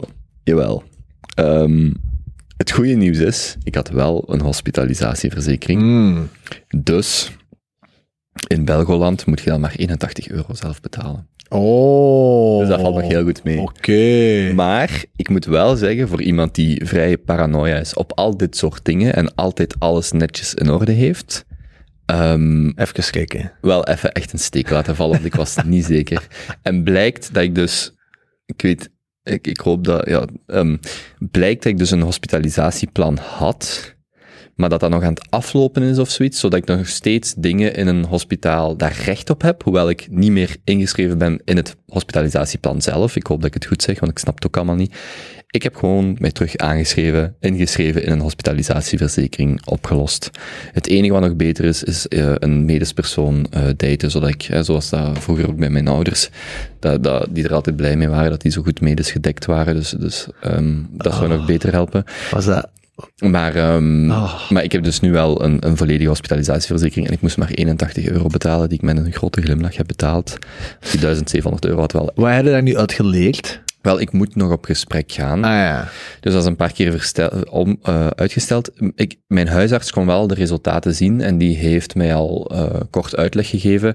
Maar ik wacht nog even op eh, de bespreking met de pneumoloog eh, in het ziekenhuis. Dat gaat voor Pneumoloog? de pneumoloog. Pneumoloog? Pneumoloog. Long Pneumoloog. pneumoloog.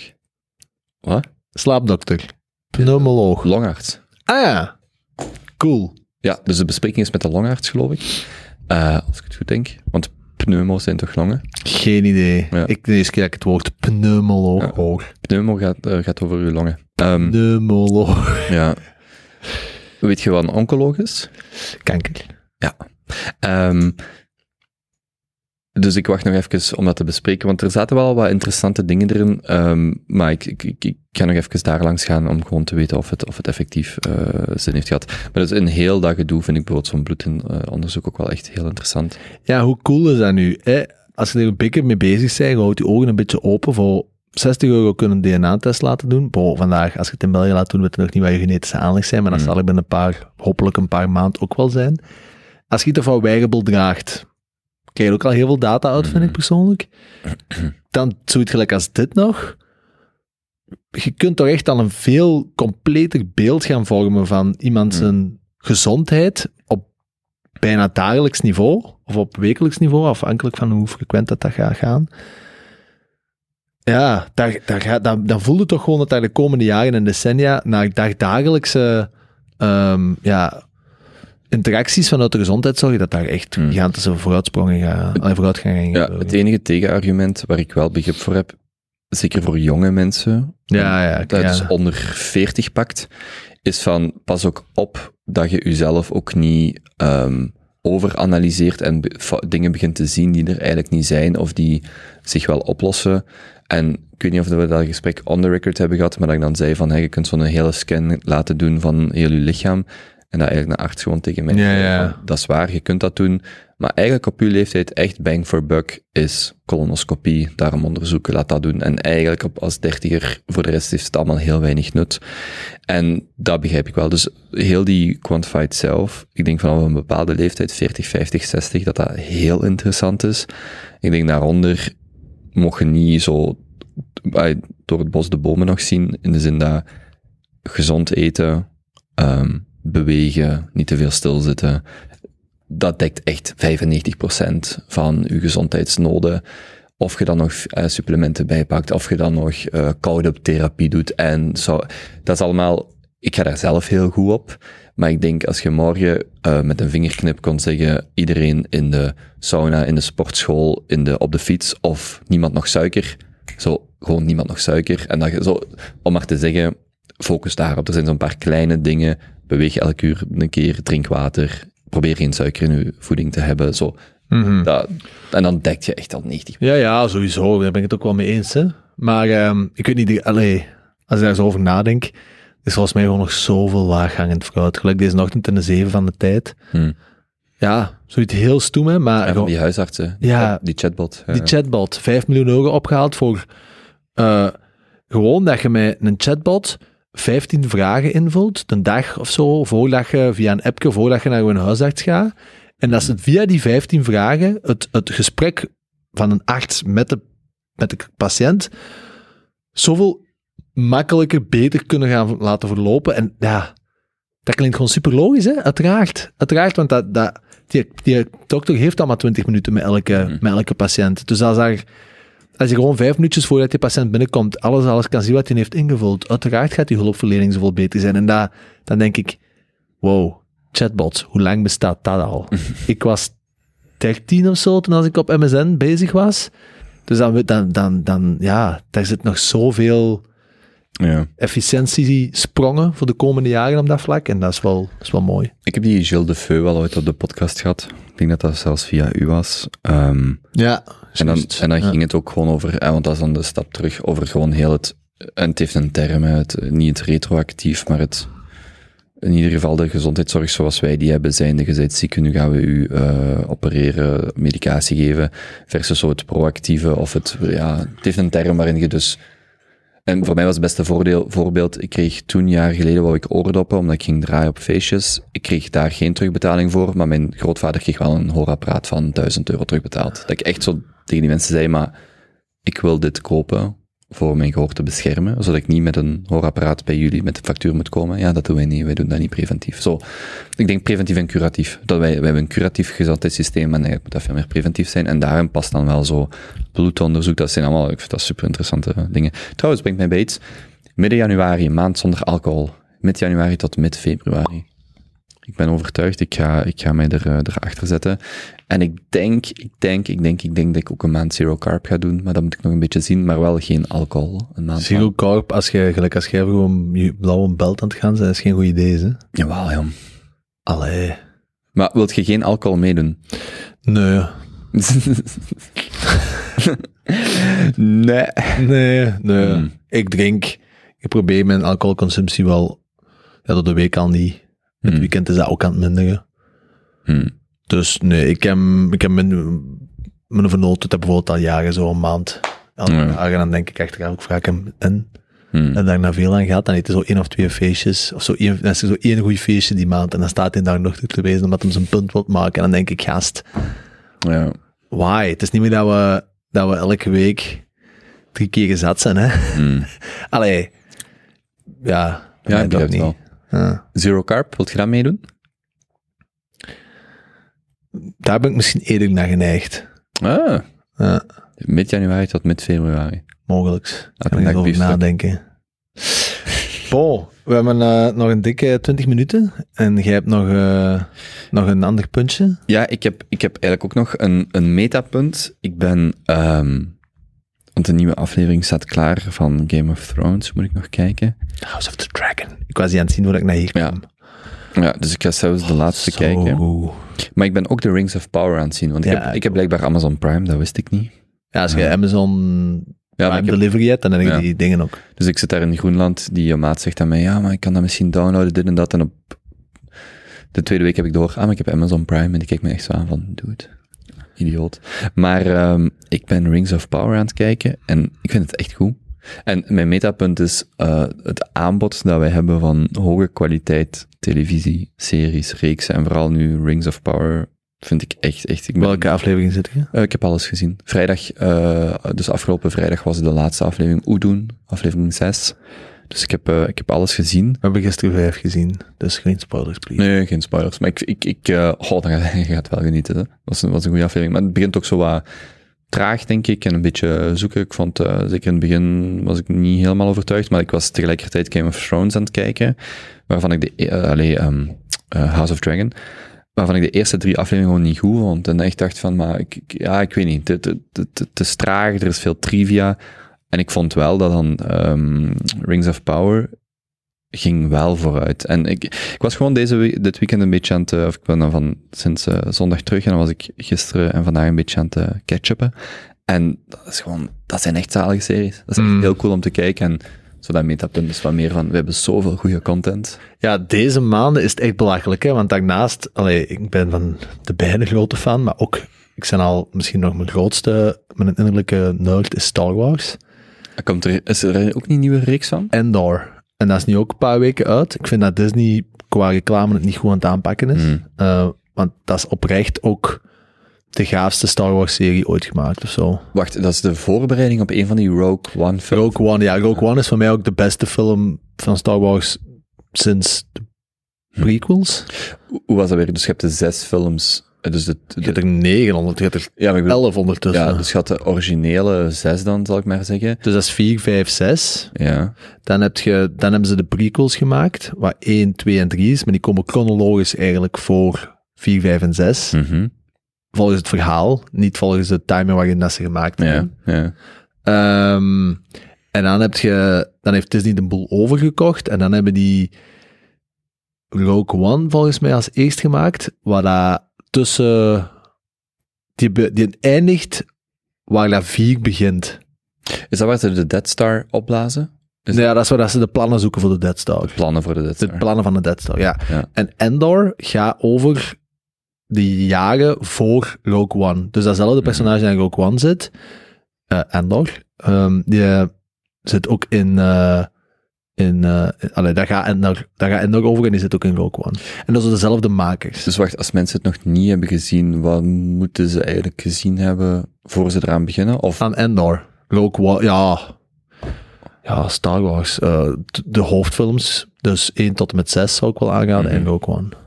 en Rogue Maar als je 1 tot 6 nog niet hebt gezien, serieus, onder welke steen en het dan geleefd? Ja, niet iedereen heeft het wit privilege dat wij hebben om ook eh, cultuur van de jaren 60, 70, 80 te... Echt wit privilege. Seriously? Ik was afgelopen week Free Guy aan het herbekijken. Hmm. Wat ik nog steeds een heel... Ik heb die ondertussen al een keer of vijf gezien, bijna een grappige film vinden. En eh, twee personages, één eh, de, de, de protagonist en dan zijn Indische maat. Ik denk dat die Indiër is. Hebben een gesprek, eh, dat zijn acteurs, maar die hebben in een rol een gesprek waarin de ene zegt, eh, ja, ik kan geen risico's pakken, want ehm, ja, mijn job is zo, de, eh, is zo zwaar en mijn huur is zo hoog en ik sterf, ah, ik, ik, ik- er is een mountain of debt, student loan debt, waarop die, die die Indische acteur zegt van, eh yeah, that sounds really bad and like a lot of white privilege. en ik vond het zo, want het is dan zo'n Ryan Reynolds film, het was zo een lichte woke opmerking, maar ik vond het wel grappig. Ik vond het wel, ik vond wel oprecht wel. Over, eh, over Ryan Reynolds gesproken. Ik heb ehm, vorige week in de vlieger iets gezien op Disney Plus dat ik had gedownload. Dus je weet dat Ryan Reynolds een voetbalclub heeft gekocht in zo vijfde klasse in Engeland? Hmm, hmm. Met het oudste voetbalstadion ter wereld. Wrexham noemen die, denk ik. Hmm. Dus over, dat, dat is al een paar jaar geweten, blijkbaar uiteraard, want ja, buiten dat dat een E-klas acteur is in Hollywood, is dat volgens mij nog een grote marketinggenie. Denk dat hij zijn echte kracht ligt in de marketing. Hmm. Dus uiteraard was dat met een zeer wel doordacht plan dat hij dat heeft gekocht, die club. Want wat blijkt, hij heeft vanaf dag één dat ze daarmee zijn begonnen, een filmploeg dat allemaal laten filmen. Hmm. En daar is nu een serie van uitgebracht. Welcome to ehm Wrexham. Ik denk dat de ploeg noemt. Welcome to Wrexham. En daar zijn hier maar twee afleveringen van op Disney+. Plus. En dat is voor mij zo'n extreem aangename verrassing. Dat is zo'n leuke serie. Hmm. Gewoon, Maar gewoon over die voetbalclub. ja, gewoon, want die, want die is eigenlijk hetgeen aan het doen wat ik vroeger als kleine altijd deed. Dus ik, ik speel al helemaal jeugd eigenlijk FIFA. Hmm. Heel veel gespeeld, nog altijd. En wat ik vroeger altijd deed als ik meer tijd had, is ik ging inderdaad, want je hebt tot vijfde klasse van de Engelse competitie zit in FIFA, dan deed ik manager mode en dan begon ik echt met die kutploeg, de echt de slechtste ploeg dat er in heel FIFA te vinden was. En dan gedurende mijn zeeën aan tijd probeerde ik die naar de Premier League en de Champions League te brengen door transfer te doen. Die Ryan Reynolds, dat is gewoon het echt aan het doen, hè.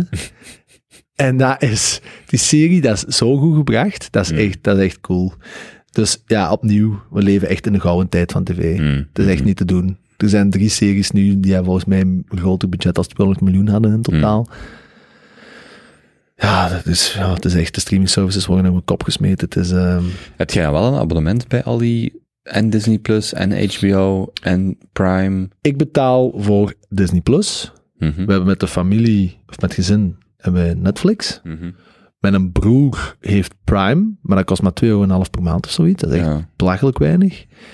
Ik heb via een vriendin toegang tot streams. En Apple Plus krijg ik bij het gezinsabonnement van Apple. Streams niet gratis? Nee, jong. Dat is pokkenduur, dat is het duurste van allemaal. Ah, oké. Was dat niet vroeger? Daar staat dingen op, House of, Dra- House of Dragon. Daar kijk ik House of Dragon. Ah ja, oké. Ja, ik download zeker niks illegaal. Ehm, Nee, nee, nee. ik ben trouwens ook... Piraterij is een, is een is diefstal, hè. Komen, ken je Ja. dat nog van vroeger? Ja, Dat ze zo'n chakos kwamen wegsleuren. Piraterij, piraterij is een diefstal. Zo die filmpjes, nee? Ja, hoewel als je iets kopieert, is het dan diefstal. Maar ehm, ik heb ook eh, alle, eh, of een aantal grote Disney-films klaargezet. Dus ik wou heel graag Peter Pan nog eens kijken, omdat daar heel veel symboliek terugkomt. Eh, ook omdat Teun eh, in de laatste aflevering zei van het Peter Pan-syndroom. Ik dacht, haha, dat heb ik al een paar keer tegengekomen, maar het is van mijn jeugd geleden dat ik Peter Pan effectief gezien heb. En dan ook eh, Cinderella, Dalmatiërs, Pinocchio, ik ben, Hercules, ehm, een grote tour doorheen de Disney-films gaan doen. Disney Plus is wel goed, hè? Maar je moet, je moet, moet daar mijn groep kunnen een account aanmaken. Ik ga daar van mij ook stopzetten waarschijnlijk met een paar mensen in een paar. Maar ook, ik heb geen televisie, ik heb geen internet thuis. Dus ik zit ook zelden zo van, wat ga ik nu eens kijken? Maar je kunt op iPad en iOS, ik Hmm. kijk heel veel op mijn iPad, je kunt die gewoon downloaden en opslagen. Hè? Ja, maar ik heb geen... Ja, Ja, ja, ja. ja. Mijn Prime doe ik dan wel op mijn laptop. Dan download ik gewoon die, eh, die, die reeks en dan eh, krijg ik daar... Dat is wel echt wel echt goed. Zij, misschien als laatste puntje nog, hè. Ehm, iets we eh, dan daarna ook wel kunnen delen op Instagram. Ik had nog genoteerd van de Jonas zijn eh, adventures in AI Land. Hmm. Die foto's, die afbeeldingen dat hij meegemaakt. Dat is wel grappig. Dus onze favoriete CTO ehm, verrast ons soms, eh, wat altijd heel aangenaam is, want Jonas is een nachtdier. Hè, dus eh, Hm. tot, tot 9, 9 à 10 uur, denk ik, gaan Jonas zijn sociale verplichtingen. En dan schakelt Jonas over op eh, self-pleasure modus, om het op een vuile verwoording te zeggen. Maar dan laat laat Jonas zijn intellectuele nieuwsgierigheid botvieren. Waardoor wij soms, een, ja, ik, ik ben dat niet, hè, dus ik krap op tijd in bed en ik sta op, ja. Ik denk een gesprek aan, eh, in, in, in Casa eh, Jansen om tien uur s'avonds is... Schat, ik ga slapen, waarop hij antwoordt... Ja, is goed, dit moet toch nog even renderen. En dan blijft hij gewoon nog drie uur eh, achter zijn pc zitten. Ja, en dus eh, in de week was het weer vandaag. Vrijdagochtend word ik wakker voor vroeg eh, richting het station te gaan, voor een trein te pakken richting Londen. En in ene keer eh, krijgen we dan zo een, lange, een lang bericht van Jonas in de signalgroep, waaruit dat hem in alle nachtliegesheid aan het geven is, dat hem de AI voor beelden te maken op basis van een aantal afbeeldingen heeft gedownload en mee is beginnen spelen. En in één keer zitten er vier, dat het met u begonnen is, vier ja, ja, kunstwerkjes eigenlijk, met de Mm. kobus en een kop op, eh, met de meest onnozele omschrijvingen. En dan vervolgens is hem overgeschakeld op basis van een aantal afbeeldingen dat hij van mij kon vinden, denk ik. Ehm, eh, op eh, op ja, artistieke interpretaties van een AI Hmm. op basis van een aantal prompts, zoals bruid Benjamin die vol eh, spanning aan het afwachten is voor haar trouw. In de stijl van... Ja. van ja, ja, ja. Eh, eh, CMO die Noordstroom 1 en 2 opblaast. Zo, dat soort van dingen. ja. Dus ik vond dat wel, ik heb daar wel smakelijk mee gelachen. Ik heb hem ook, eh, maar we zullen het hem zelf laten vertellen en zijn eh, AI nog een beetje trainen. Eh Jozef luistert hier toch niet naar. Ehm, maar ik, ik heb dus die facial recognition aangezet, daar mij een aantal uur mee bezig gehouden. Dus dat wil ook zeggen dat ik een eh, à la carte menu heb van foto, foto's. En Jonas heeft doorgestuurd waar dat hem echt nood aan heeft om zijn AI te trainen. Dus ik ben eens door mijn archief gegaan en ik heb een eh zip-foldertje gemaakt en van Jozef doorgestuurd. Dus eh, met een beetje geluk krijgen we daar binnenkort ook beelden van. Prachtig. Ja, ik denk we die van ons al wel subiet eh, op de Insta moeten smijten. Ehm, We zullen die delen en Ja. misschien moeten we ook een highlight zetten, dat als mensen hier naar luisteren en niet binnen de 24 uur, dat we misschien gewoon de, de, de CTO of de AI highlight. Want dat lijkt me ook wel cool als we dat doen in een highlight, om dat zo over de weken, maanden, jaren te volgen van hoeveel beter is dat eigenlijk geworden. Sowieso, ja. En we gaan ook, eh, ik denk dat bij Jonas een puntje staat, maar je zal het zelf wel eh aansnijden als hem, als hem terug hier is. Ook eens de ethische bespreking doen, onder andere over eh, kinderporno, naaktfoto's van onszelf, dat zo'n AI kan maken, enzovoort en zo verder. En daar is de ethische... Ja, want hij zei dat nog, hij, hij houdt zijn eigen in. Hè. Je kunt er letterlijk alles aan vragen, want ja, bij van die, waar dat er dan een, een UI-saus over gegoten is, voor het plebser toegang tot te geven, wordt naakt en zo allemaal geblokkeerd. Ja. Maar als je ja, de brandcode hebt, Heb je die prompt gezien? Benjamin kissing a guy for... ja. ja. Ja. voor alle duidelijkheid, daar zat een hostie tussen. Hey, dat zei ik ook altijd. Ehm kent je dat? ah. oh, hij gaat weer naar moppen. Als, als zij liegt over de pil, lieg ik over het condoom. Oh, daar is zo'n mopje over. Allee, kom, dat jij nu niet op een vettere mop komt. Ja, dat is lang geleden. Hmm, Ehm, ja. het is oké. Hey, het kan iedereen eens overkomen. Je kunt niet altijd Hmm. zo wakker zijn en bij de zaak. Nee, Nee, ik ben ook echt extreem moe. Ik ben vandaag gaan vechten. Het was, eh, het was vermoeiend. Alles doet pijn. Ik mank. Po, voor mij is het goed om hem hier even te kloppen. Ja, is goed. Ik Eh, vind dat we dat goed hebben gedaan. Ik vond het leuk. Ja, anderhalf uur. Gewoon even klets. Ja, ik, eh, ik hoop dat voor onze vele luisteraars ehm, minstens zo aangenaam was als, Mm. als anders. Ehm, maar zal ik dit eh, even serieus onder de Junterboys als ik Kobe Show publiceren? De boys. Mongool. Ik heb nieuwe afleveringen nodig. Ja, begint ik dan maar aan. Nieuwe content. content. Dit is eh, aflevering 75 trouwens. Zot. Oké. Ik, ga, ik ga op een knopje duwen. Jij moet gewoon nog even iets zeggen om, eh, om hem af te sluiten.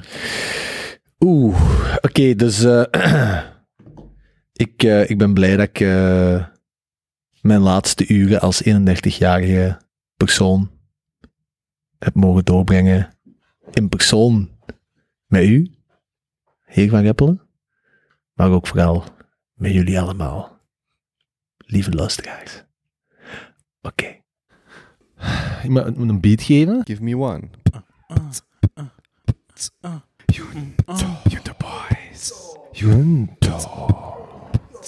Junto.